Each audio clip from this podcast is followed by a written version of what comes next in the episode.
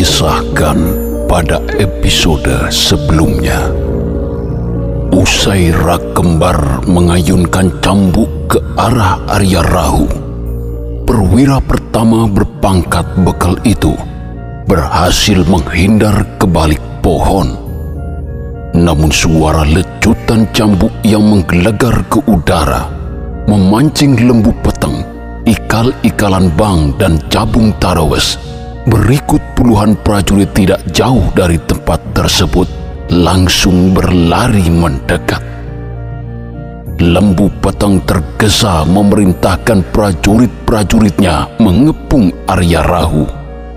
Arya Rahu dan kelompoknya mau tidak mau mencabut senjata, pasang badan, membela diri sekaligus melindungi tanda kebesaran Mapatih Amangkubumi yang dibawanya. Tentu saja, jumlah mereka jauh dari kata seimbang. Tapi Arya Rahu tidak gentar sedikit pun. Siapa pun yang mendekat, apalagi merebut tanda kebesaran Mapatih Amangkubumi, harus mati.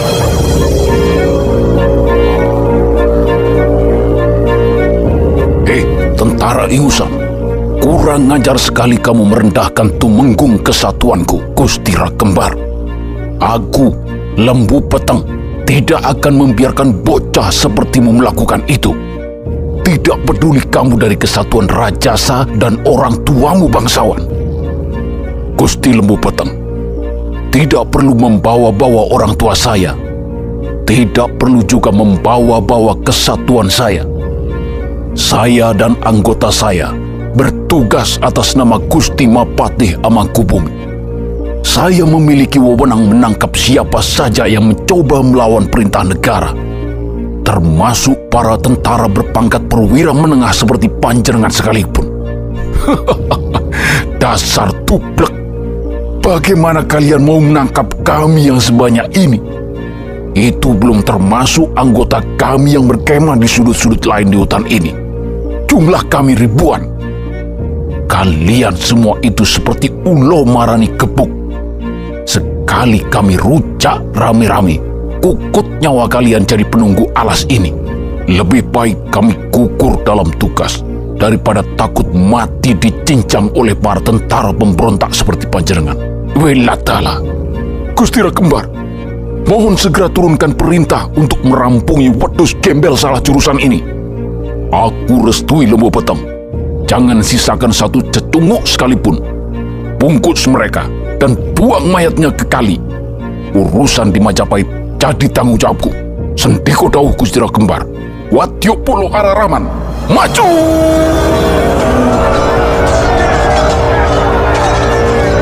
Seketika itu juga, puluhan tentara Araraman menerjang Arya Rahu dan kelompoknya dari berbagai arah.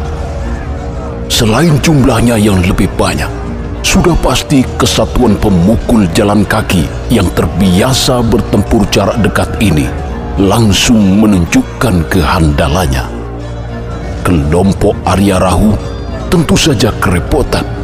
Sejak dahulu, sejak Singasari masih ada, para tentara dari golongan bangsawan selalu ditempatkan di kesatuan Rajasa. Kesatuan yang ditempatkan di garis pertahanan Kebanyakan dari mereka lebih mahir menggunakan senjata jarak jauh seperti panah dan pelontar api ketimbang menggunakan pedang seperti kesatuan Araraman. Hanya dalam waktu singkat, anggota kelompok Arya Rahu terluka di sana sini tersabet pedang. Namun sama sekali tak terlihat tanda-tanda mereka berniat menyerah. Di sisi lain, hiruk pikuk suara pertarungan memancing prajurit Araraman yang berkemah di sudut-sudut lain berlari mendekat. Makin lama makin banyak, sehingga Capung Tarwas terpaksa memerintahkan para perwira bawahannya untuk menghalau mereka kembali ke kemahnya masing-masing.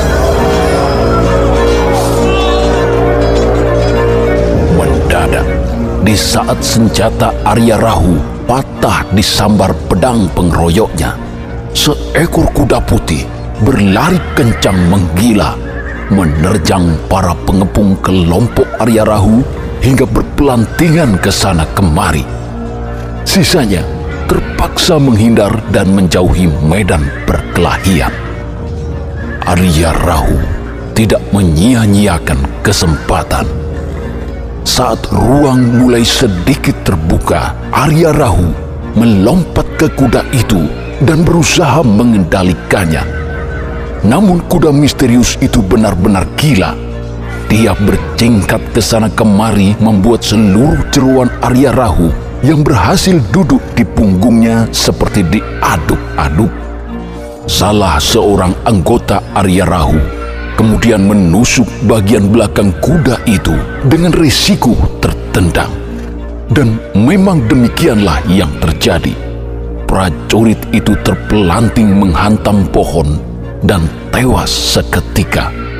Sementara si kuda putih membalikkan tubuhnya ke arah barat. Arya Rahu segera menghantak tali kekang dan kuda itu terpancing untuk lari kencang ke arah dia datang. Arya Rahu dan tanda kebesaran Mapatih Amangkubumi lolos dari kepungan dan sang kuda putih terus lari keluar hutan.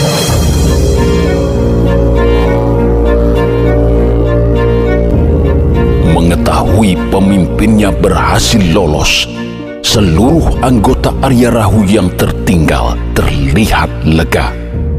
Secara spontan, mereka meletakkan senjata, lantas berlutut, memberi tanda menyerah.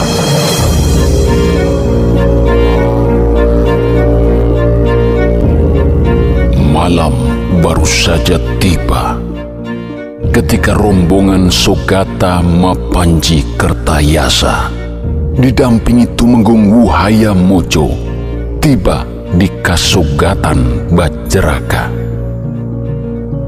tunduk takzim para pandita tinggi Bajraga di hadapan sesepuh yang dihormati Majapahit maupun Tigang Juru itu.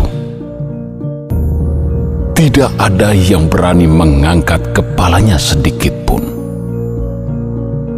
Setelah Mapanji Kertayasa menyampaikan tujuannya, pendopo Bajraka hening cukup lama. Yang terdengar hanya sejumlah hembus nafas tertata semata. Suatu tanda semua yang ada di tempat itu adalah orang-orang yang tidak pernah meninggalkan bhavana sebagai bagian dari jalan pencerahan jiwa.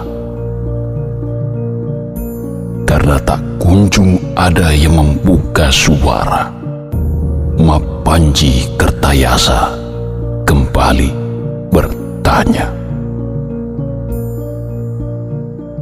Bagaimana Pandita Padma sebagai pemimpin tertinggi kasukatan ini?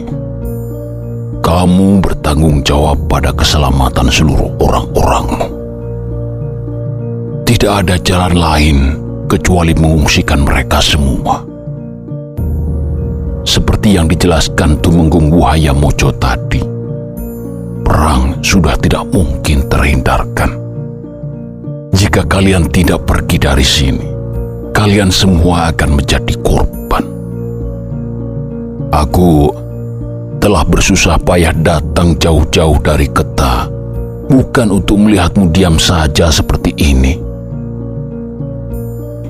Pandita Kertayasa Anumodami, karena Pandita begitu perhatian pada kami semua di Bajraka. Bukan bermaksud mendiamkan ajakan Pandita, tapi kami sendiri sesungguhnya juga bingung harus bagaimana. Permintaan mengungsi sudah kami terima berkali-kali dari berbagai pihak. Tetapi hingga saat ini, kami masih belum juga mendapat keputusan untuk tetap tinggal atau pergi dari sini. Kata-katamu aneh sekali, Pandita Padma. Bukankah kamu pemimpin tertinggi kasogatan ini? Kamulah yang harusnya memberi keputusan. Percayakan semuanya pada para kesatria. Mereka yang akan bertanggung jawab terhadap seluruh bangunan kasukatan ini. Jika ada kerusakan akibat perang, mereka juga bersedia memperbaikinya kelak.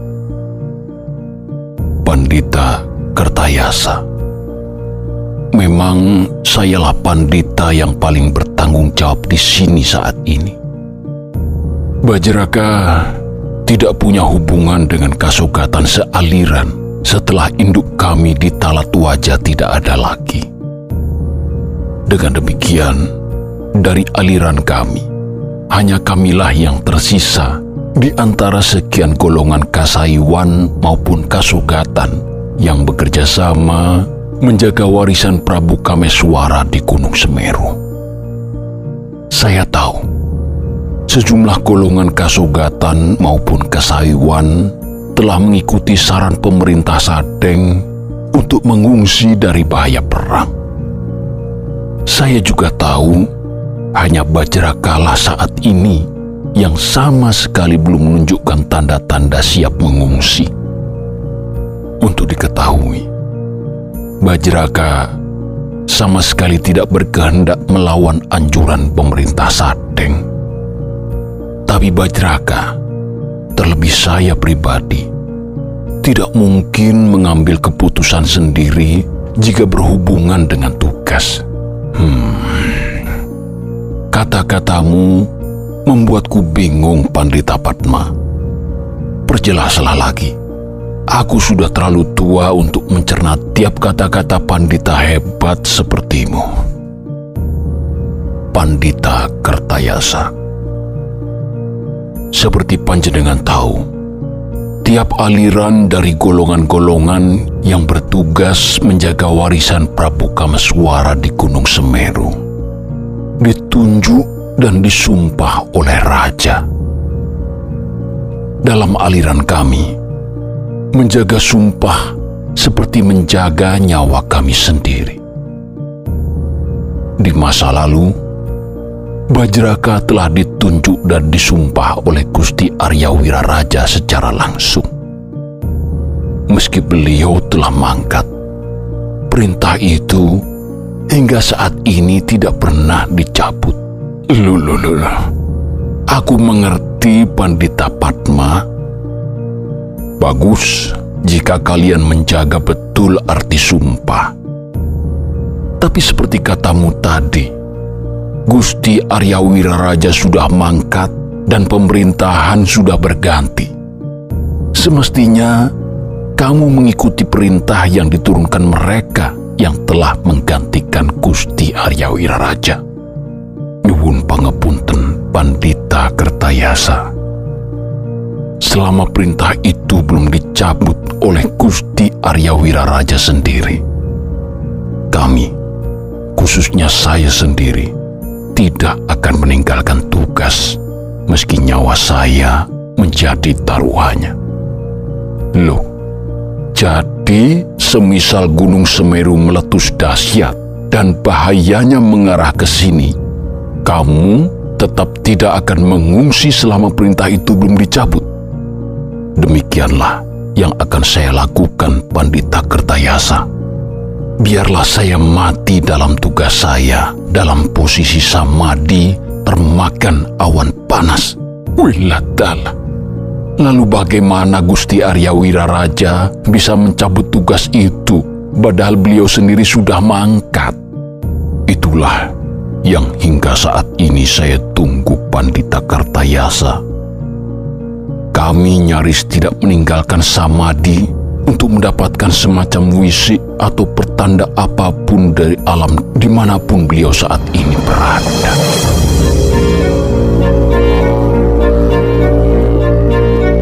Dari tempatnya duduk, Tumenggung Buhaya Mojo hanya bisa menatap nanar ke arah Pandita Padma dan para pendampingnya. terjawab sudah mengapa mereka sulit sekali diminta mengungsi. Ini masalah keyakinan yang kadang di luar nalar. Mungkin terdengar konyol bagi yang tidak meyakininya, namun apa pun itu, dia harus menghormatinya. Wahaya Mojo memang tidak tahu banyak tentang kasogatan maupun kasaiwan karena dia sendiri adalah seorang pemuja dewa setempat. Dia meyakini di mana pun ada manusia bermukim, di situlah juga ada dewata. Orang menyebutnya dewa kampung. Tentu saja, keyakinan Wahaya Mojo dianggap aneh bagi yang tidak meyakininya. Sepanjang keyakinan itu tidak menyerang dan menghancurkan kebersamaan warganya, negara tetap melindunginya. Itulah mengapa petilasan Prabu Kameswara di Gunung Semeru dirawat secara bersama-sama oleh berbagai golongan keyakinan berikut alirannya masing-masing.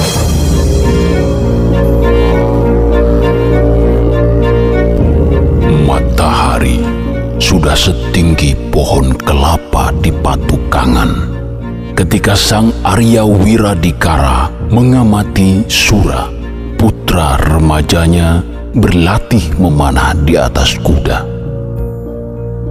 Padanya, masa depan Keta kelak disandarkan. Ketika sang Wiradikara dan putranya Sura beristirahat, seorang abdi memberitahu bahwa lembu mangar telah pulang dari Katumunggungan Sadeng dan berniat melaporkan hasil pertemuan. Perwira tinggi itu menunggu Wiradikara di pendopo. Bergegas Wiradikara menemuinya. Di sana, dengan terperinci, Tumenggung Mangar membabar semuanya ke hadapan Adipati Wiradikara.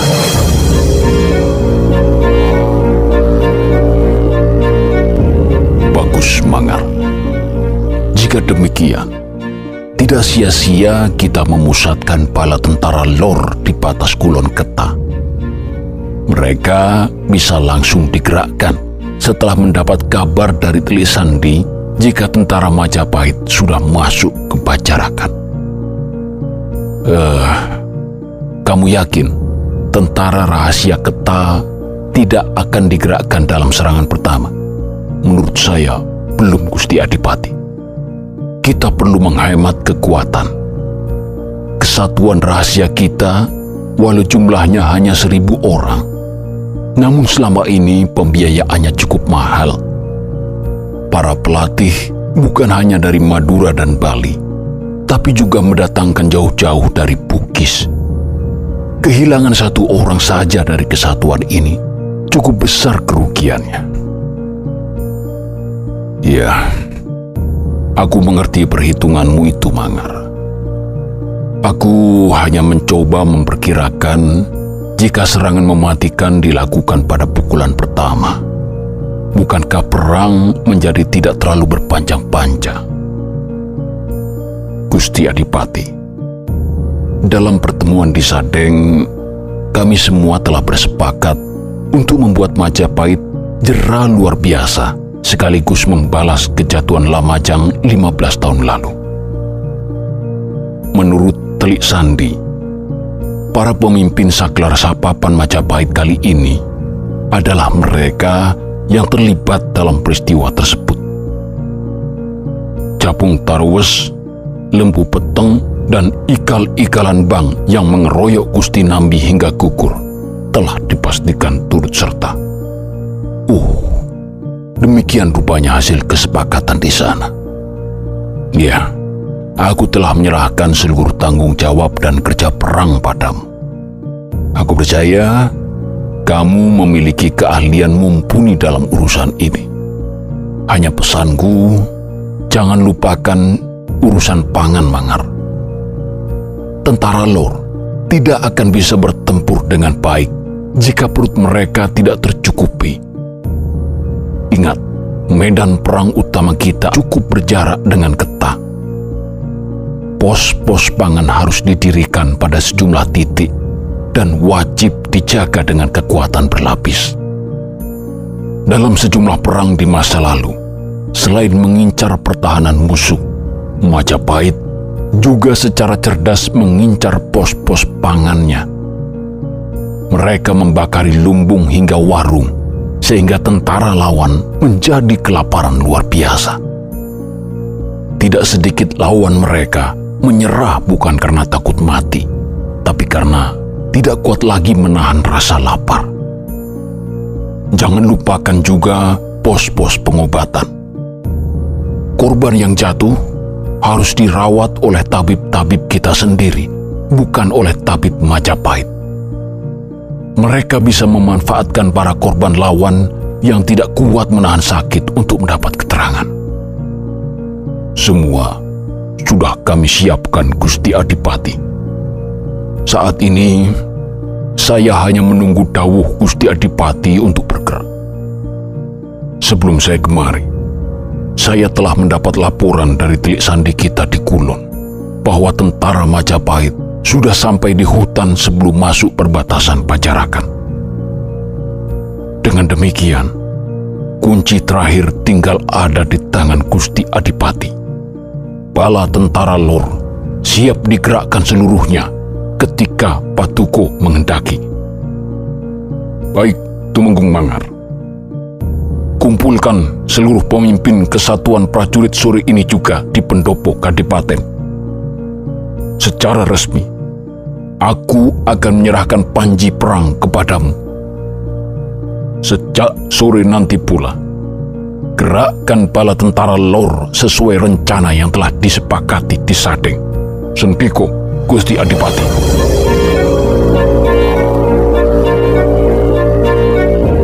Hutan perbatasan Kulon Pajarakan telah ditinggalkan cukup jauh oleh Arya Rahu.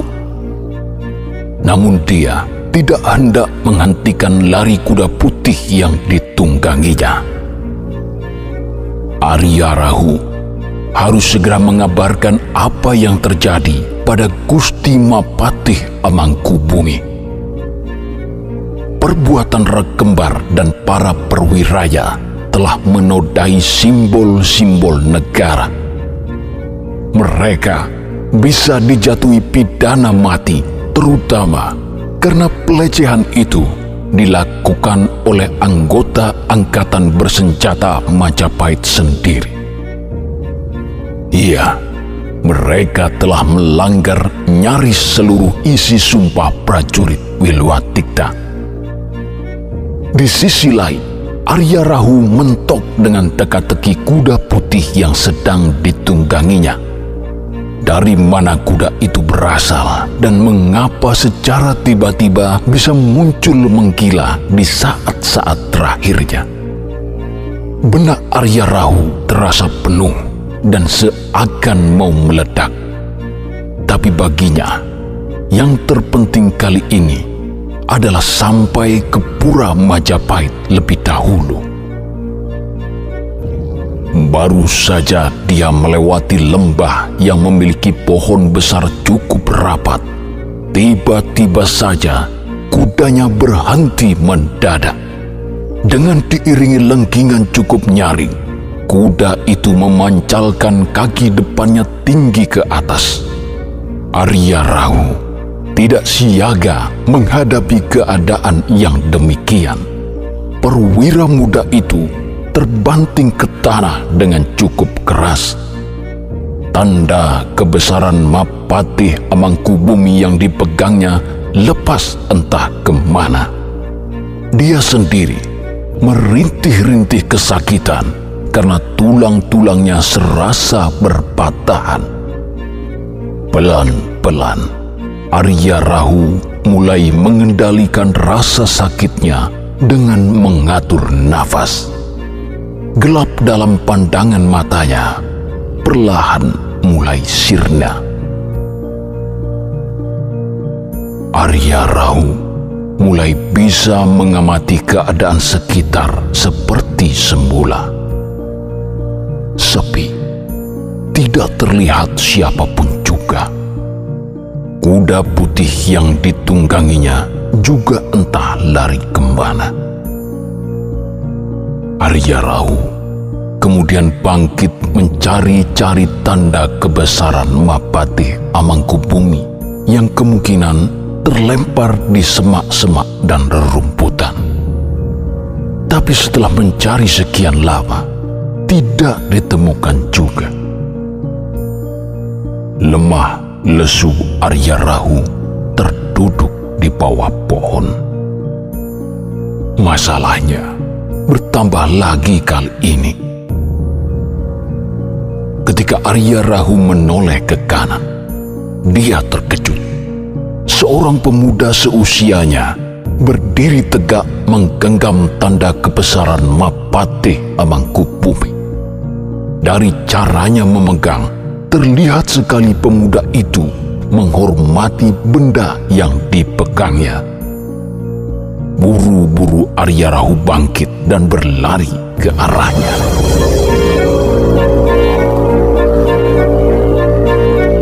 Serahkan benda itu ke sana. Benda itu berada di bawah tanggung jawab saya.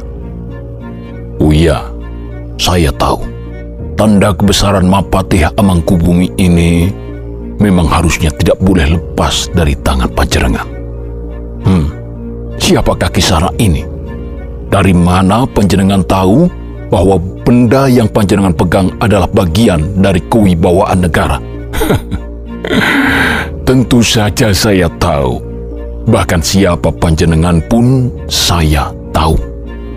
Panjenengan adalah bekal Arya Rahu, perwira muda getih getah dari kesatuan Rajasa yang ditugaskan untuk memanggil pulang Tumenggung Ragempar. Namun, gagal. Kisana, mohon maaf. Saya terlalu banyak masalah hari ini. Jika panjenengan tidak mau mengatakan siapa diri panjenengan, cukup serahkan saja tanda kebesaran itu. Selanjutnya, mari kita berpisah. Saya masih punya banyak urusan. Tapi jika panjenengan tidak ingin menyerahkannya, saya terpaksa menggunakan jalan kekerasan. Istirahatlah dulu ke sana, Arya Rahu. Saya tahu badan panjenengan masih sakit semua sehabis jatuh dari kuda. Tidak perlu memaksakan diri. Saya juga tahu panjenengan hari ini begitu banyak beban pikir. Saya tidak akan menambah masalah panjenengan. Bahkan saya telah membantu panjenengan sedikit lepas dari masalah saya telah rela kehilangan kuda kesayangan saya agar panjenengan tidak gugur dalam tugas. Loh, jadi dalang di balik kuda putih itu panjenengan? Betul kisana. Saya telah membuntuti rombongan panjenengan sejak dari Pura Majapahit dan telah menyaksikan semuanya secara tersembunyi. Loh, panjenengan mata-mata rupanya. Untuk siapa panjenengan bekerja? Panjenengan salah. Saya bukan mata-mata. Saya prajurit Wilwatikta seperti panjenengan juga. Bahkan pangkat kita sama. Jangan bertele-tele di sana. Sebutkan siapa nama panjenengan dan dari kesatuan mana jika panjenengan memang benar prajurit Wilwatikta. Terus terang saja, saya belum pernah melihat wajah panjenengan saya dari kesatuan Bayangkara yang berasal dari unsur prajurit Jalati. Panjenengan memang belum pernah melihat saya. Karena selama ini, saya memang ditugaskan di Kedaton Daha. Nama saya Nala.